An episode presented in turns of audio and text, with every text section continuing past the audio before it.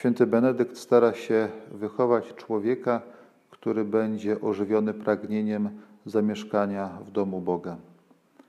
Pomyślmy, co jest pragnieniem, które angażuje całe nasze serce, co nas napędza na co dzień. Czy jest nim pragnienie Boga, oglądanie Jego chwały, kontemplowanie Jego oblicza. Święty Benedykt tego właśnie oczekuje od nas, swoich uczniów.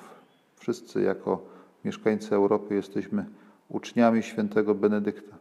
Tego od nas chce, abyśmy pragnęli przede wszystkim Boga i Jego mieszkania.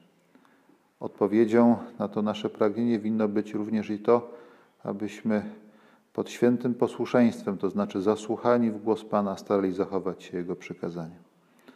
A więc już teraz wyróżmy do naszej Ojczyzny niebieskiej i walczmy w zawodach o cnotę, dobro, tak jak nas naucza święty Benedykt.